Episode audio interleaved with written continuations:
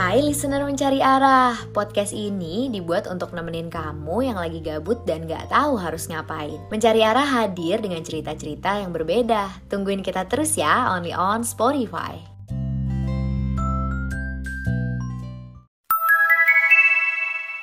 Halo semuanya. Hai. Halo. Eh, kali ini kita bakal ngebahas tentang toxic friendship. Waduh, Hmm. toxic friendship. Berat ya guys. Hmm. Agak geter ya hati gue. Hmm. Menurut lo orang toxic friend, ciri-ciri toxic friendship itu yang kayak gimana sih? Menurut ya Ami dulu deh Ami Ami. Eh, orang yang oh enggak bukan orang yang toxic friendship. Ini kayaknya gue ngulas balik dulu pengalaman gue di SMP SMA dan gue ngerasain circle itu udah toxic ya. boleh banget. Gimana Gimana coba tuh? coba? Salah satu contohnya itu gue punya satu circle dan isinya itu adalah orang-orang bosi. Dan gue nih emang tipikal orang yang gak bisa buat bilang enggak gitu loh. Dan mereka tuh kayak minus banget attitude untuk bilang tolong, makasih, dan maaf. Menurut gue itu salah satu contoh toxic friendship sih. Hmm, jadi lebih ke nggak tahu manner ya. Yes. Itu kan manner gak sih, basic manner. Iya sih basic basic manner. Harusnya kan ya tapi yang namanya yang bosi kan susah Benar. lah. Susah Ya menurut lo sendiri gimana sih nih? Kalau menurut gue eh toxic. Gimana? Kenapa? Ya menurut lo gimana? Kalau menurut gue toxic friendship itu adalah orang yang tahu kita gitu ya dan kenal kita terus dia ngomongin kita di belakang. Dan ngomonginnya tuh bukan yang ngomongin kayak biasa gitu ya, tapi ini ngejelek-jelekin kita di belakang kita. Menurut gue gue pribadi juga maksudnya orang itu yang belak-belakan banget. Jadi pak kalau tahu ada orang atau temen gue sendiri yang kayak gitu, gue tuh ngerasa kayak gila, lu tuh racun banget gitu. Di hidup gue tuh lu racun banget. Menurut gue gitu sih. Terus lebih baik gimana? Lebih, daripada mendingan diomongin di belakang, lebih baik gimana? Gue lebih suka orang yang terus terang di awal, di depan gitu ya, di yang ngomong aja gitu kayak eh gue tuh gak suka deh lo kayak gini gitu. Oh emang kenapa gitu? Iya gue tuh gini gini gini gini gitu. Lebih lebih terbuka gitu ya karena apa sih arti pertemanan gitu loh kalau lo nggak saling terbuka gitu untuk apa saling ditutup tutupin ya kan? Jadi Iya, benar. lebih baik mm, lu ngomong aja gitu terus terang lu kenapa? Kalau nggak suka kenapa? Terus ada masalah apa juga kenapa? gitu. Oh berarti lo lebih ke ini ya, mendingan sakit tapi tahu. bener gue lebih gue juga emang gue tipikal yang orang yang lo jujur nyakitin gue it's okay daripada lu harus bohong dan nanti ketahuan sama gue juga gitu itu lebih wah double kill sih ya kalau menurut gue Bener bener bener bener. eh, Eka Eka, gimana menurut lo kak? Sebenarnya gue nggak jauh beda sih sama Nindi. Cuman eh, yang lebih parahnya lagi kalau misalkan kita udah temenan, dia ngomongin kita sekaligus nggak hasut orang lain buat benci juga sama kita. Wah udah kacau sih itu. Setuju banget itu paling aduh nggak dulu deh ya kalau gue tuh nggak dulu Hmm. Tapi menurut lo eh, pertemanan itu selalu memunculkan drama nggak sih?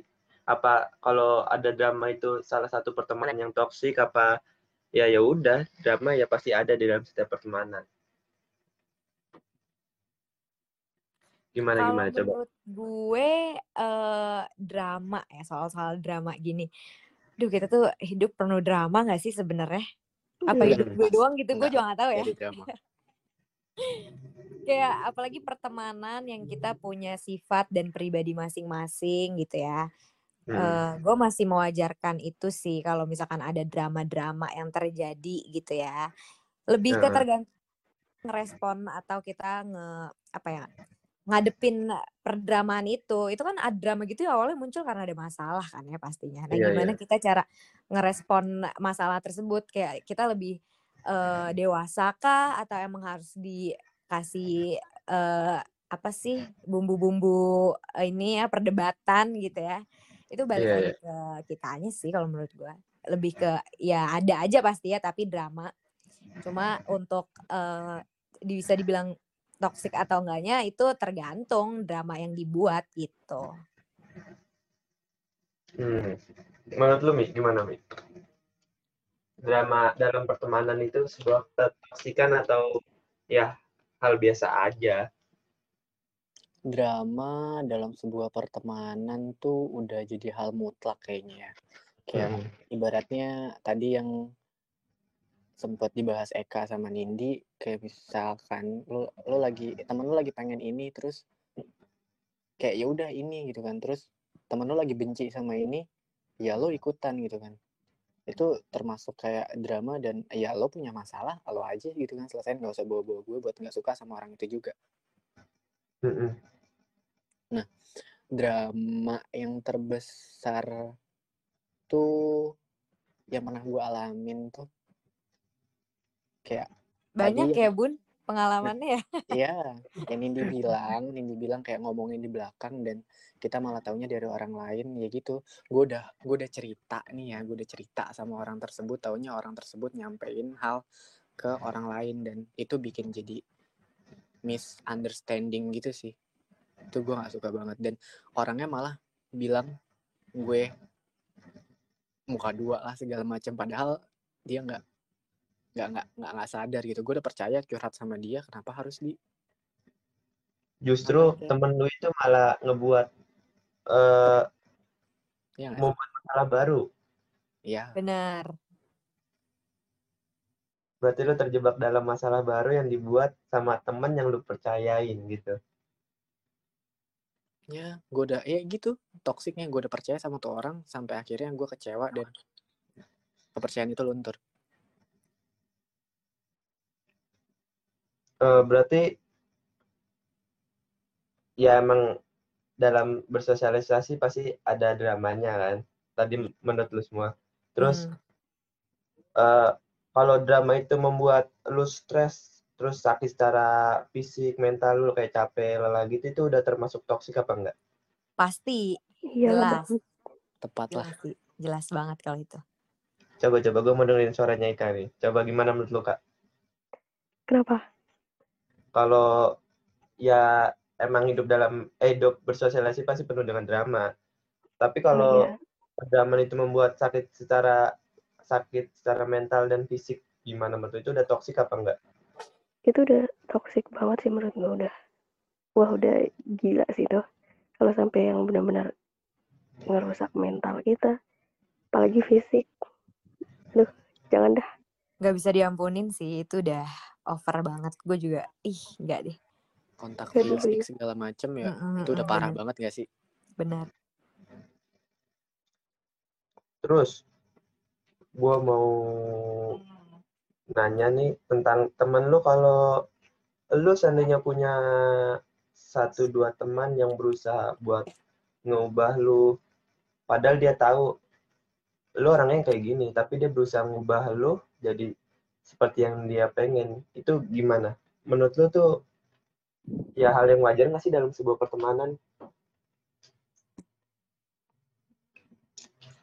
Coba Nin, gimana nih menurut lu Nin? Hmm, wah iya sih. Menurut gue ya balik lagi kayak tadi ya. Kita tuh pasti punya eh, sifat masing-masing gitu ya. Pasti punya pribadi masing-masing.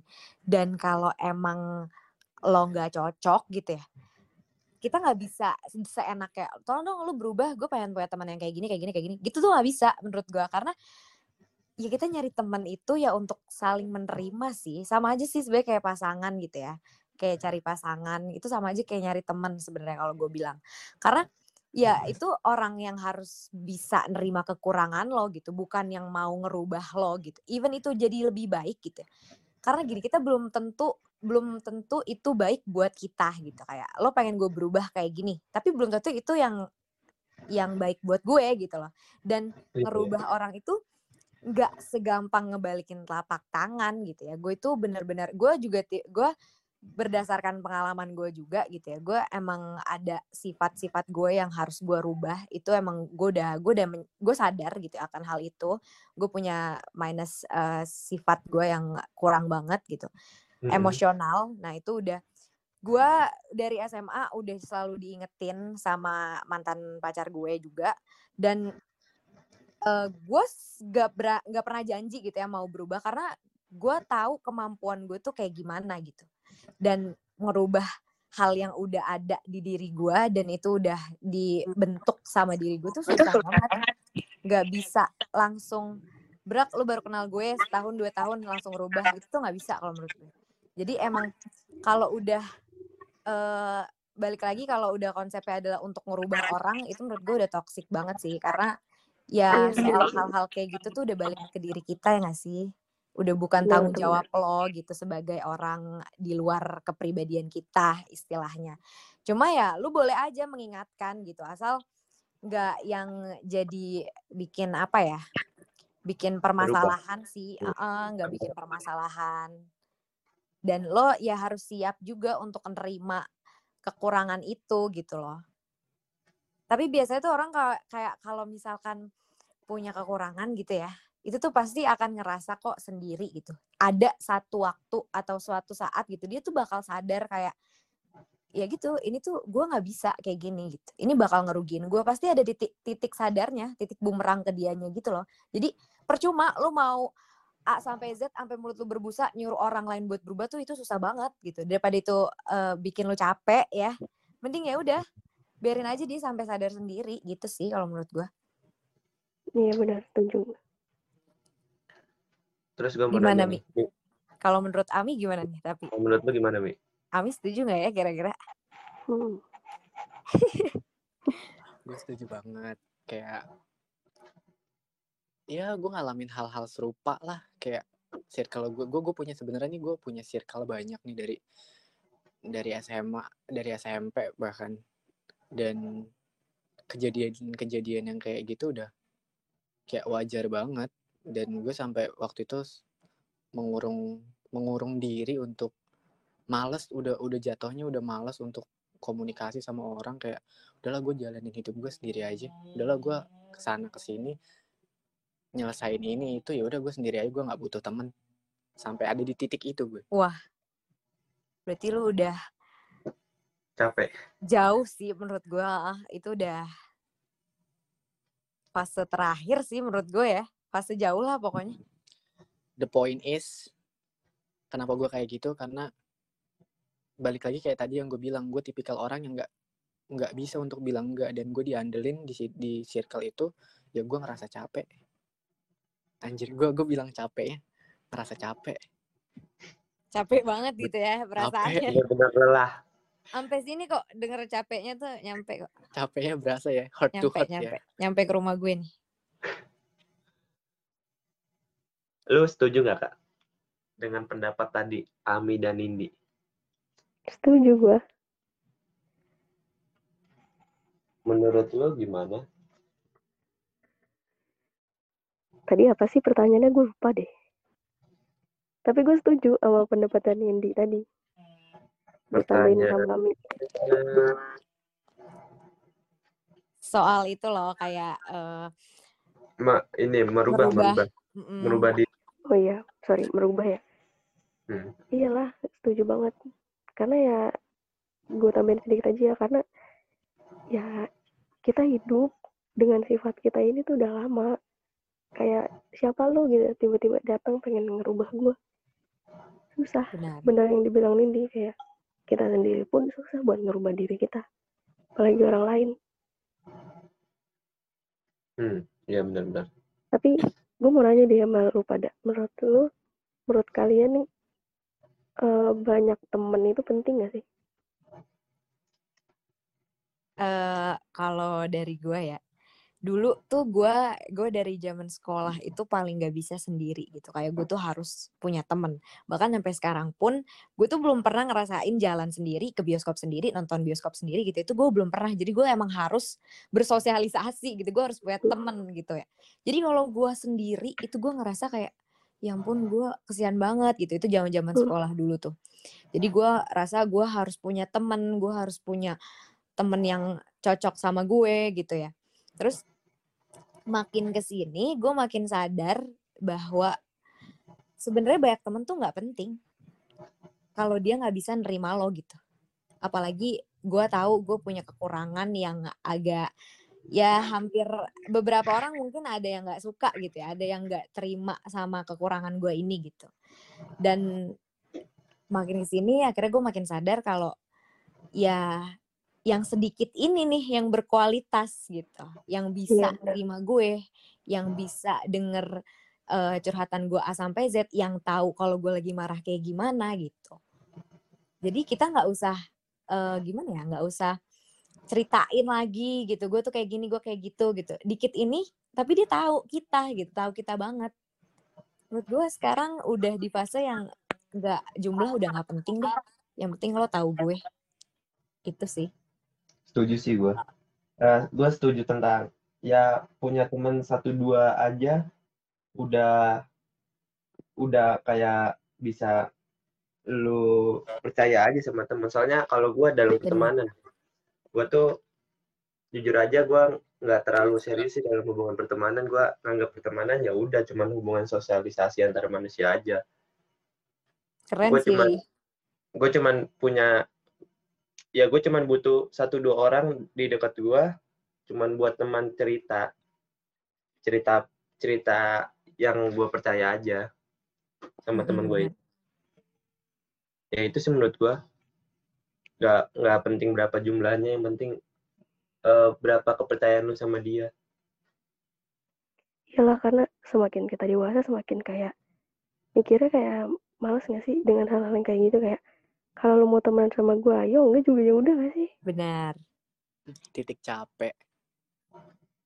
Kalau gue sekarang udah nggak bener-bener yang ngerasain kayak gitu sih. Kayak gue gak mau capek-capek nunjukin oh gue orang kayak gini nih. Ayolah temenan sama gue udah nggak mau kayak gitu sih. Mm yang kayak ya udah ini gue mau temenan ayo. Enggak juga ya udah nggak apa-apa gue sesimpel itu aja sih. Benar Soalnya gue juga mau nambahin kayak cuma nggak menutup kemungkinan makin sekarang kan kita makin kayak ya udah semakin kecil tapi semakin berkualitas gitu ya.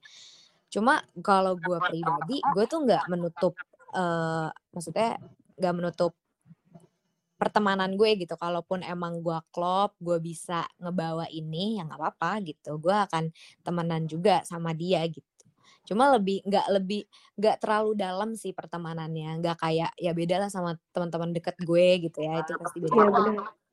hubungan bersosialisasi mau banyak relasi ya. Bener lebih ke relasi sih ya. Iya, setuju banget. Terakhir aja nih ya. Terakhir gimana menurut lu semua cara cara ya ninggalin teman-teman yang toksik bukan ninggalin sih. Cara mengatasi mengatasi teman-teman yang toksik gimana? Dalam pertemanan toxic friendship ini. Gimana tuh Mi? Kalau dari gue berdasarkan all of my experience lo harus berani buat lo harus berani buat bilang enggak. Karena di saat toxic toxic itu muncul ya lo berani untuk melakukan penolakan dan kalau misalkan itu tetap terjadi go out aja dari pertemanan itu. Lo bisa nyari teman yang emang lebih berkualitas yang ngerti lo dan nerima lo apa adanya.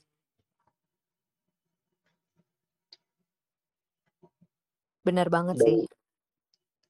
pengalaman lu udah banyak sih Mia tentang pertemanan yang Bener. katanya temannya banyak banget. Jam terbangnya udah banyak ya say tapi di situ gue ngefilter mana yang emang bener-bener jadi teman gue tapi bagus sumpah karena kita hidup itu emang berdasarkan pengalaman anjir iya. semakin banyak pengalaman semakin banyak pelajaran yang lo bisa dapat pengalaman itu kan seperti buku yang hidup benar menurut lo gimana nih mengatasi teman-teman yang toksik? Mengatasi teman-teman yang toksik gitu ya. Gue anaknya tuh lebih ke to the point ya. Gue tuh belak-belakan banget tipikalnya. Jadi untuk mengatasi temen toksik. Ini lebih ke kalau misalkan dia emang udah jadi temen gue gitu ya, dan itu dia toksik dan menurut gue itu nggak bisa diampunin, gue pasti akan ngomong ke dia sih kayak, cuy kayak lu agak gimana gitu ya, kayak gini gini gini, bisa nggak kira-kira kalau begini gitu. Tapi gue nggak nggak niat untuk ngerubah dia gitu ya, cuma kayak gue gue pengen dengar aja dari pendapat dia itu kayak gimana. Iya nih gue soalnya kayak gini gini gini gini kan jadi terbuka. Kita saling komunikasi. Ternyata dia maunya kayak gini dan gue maunya kayak gini akhirnya ketemu tengahnya ya kan? Itu masih bisa diperbaiki. Jadinya nggak uh, perlu menghindar atau menjauh. Terus beda lagi kalau mm, masih bisa diperbaiki. Kalau mengatasi teman yang udah bener-bener waduh udah nggak bisa deh nih gitu ya. Mending dikat sih dari awal. Kayak lu udah pasti tahu. kurang dia di mana terus lu nggak bisa terima dan lu lu nggak bisa nerima itu gitu. Kayak mending lu cari teman yang lain gitu sih. Eh kak terakhir kak gongnya lu nih kak gimana menurut lu? Mengapa? Jangan gitu dong li. Lu menaruh beban di gua. Gimana? Sebenarnya sama sih gue setuju sama jawaban yang diami cuman kalau pertanyaannya mengatasi otomatis itu kita udah jadi teman kan kecuali kalau uh, pertanyaannya menghindari. Kalau menghindari itu kita belum jadi teman. Kalau misalkan untuk menghindari pertemanan yang toksik ya kita pas kenal sama orang itu ya harus uh, pintar-pintar gimana caranya kita harus kayak tahu banget nih sifatnya kayak gimana. Dan kalau emang udah nggak cocok ya benar dikat aja udah ditinggalin aja. Tapi kalau emang udah temenan mengatasinya ya sebenarnya menurut gue kunci pertemanan yang baik itu adalah saling terbuka benar kata Nindi saling terbuka komunikasi itu benar-benar penting gak sih? Benar gak cuma di percintaan ya say? Pertemanan iya, bener, bener. penting banget. Ya harus terbuka. Ya kalau emang nggak suka ya langsung mendingan dibilangin aja gak sih? Daripada ya tadi ngomong di belakang ngejelekin kita di depan orang lain. Mm-hmm. itu ya udah kita toksik kan. Malah nimbulin gua, masalah ya. iya benar. Kuncinya adalah terbuka gitu. Karena lo pastiin banget sama temen lo kayak ya lu bilang gue orangnya kayak gini nih gue kalau nggak suka gue langsung ngomong gitu. Biar udah sama-sama saling tahu kontak lah ibarat kata lo udah kontak program dulu nih sama dia sebelum temenan. Hmm ya ya udah ada mau ditambahin lagi? Udah cukup ya? cukup sih. Cukup, cukup. sih Terima kasih teman-teman atas rekamannya ini. Yuk, sama-sama. di pertama ya. Pertama nih. Benar. Ya. Pertama ya. Mm -mm. Buat eh, teman-teman beberapa orang-orang ada yang mau nyumbang cerita atau bercerita tentang hal-halnya dia ini boleh nggak sih untuk kirim ke kita? Boleh, boleh. Kirim aja ke DM. DM Instagram uh, Mas Syahrul, Mbak Nindi, atau Mbak Eka atau ke saya Galih? Apa namanya? Nama nama lu apa mi? Nama IG-nya? Untuk Instagram gue feel free untuk kalian yang mau nyeritain cerita kalian atau ngajak gue curhat di syahrul ch.az Nindi IG lu Nin. Uh, open DM ya. Asik. Open DM open DM bukan open BO say canda. Ada di Nindi Ende pakai Y. Iya. Di gue juga boleh nih. Open DM juga. Apa IG Di Etiasin kak. Y A A S Y N K A. Kalau IG gue di at gali.f.a.u. Banyak dot ya pak. Saya kan ngedot mulu pak. Lantas. Masuk. Uh, buat para pendengar tunggu podcast selanjutnya.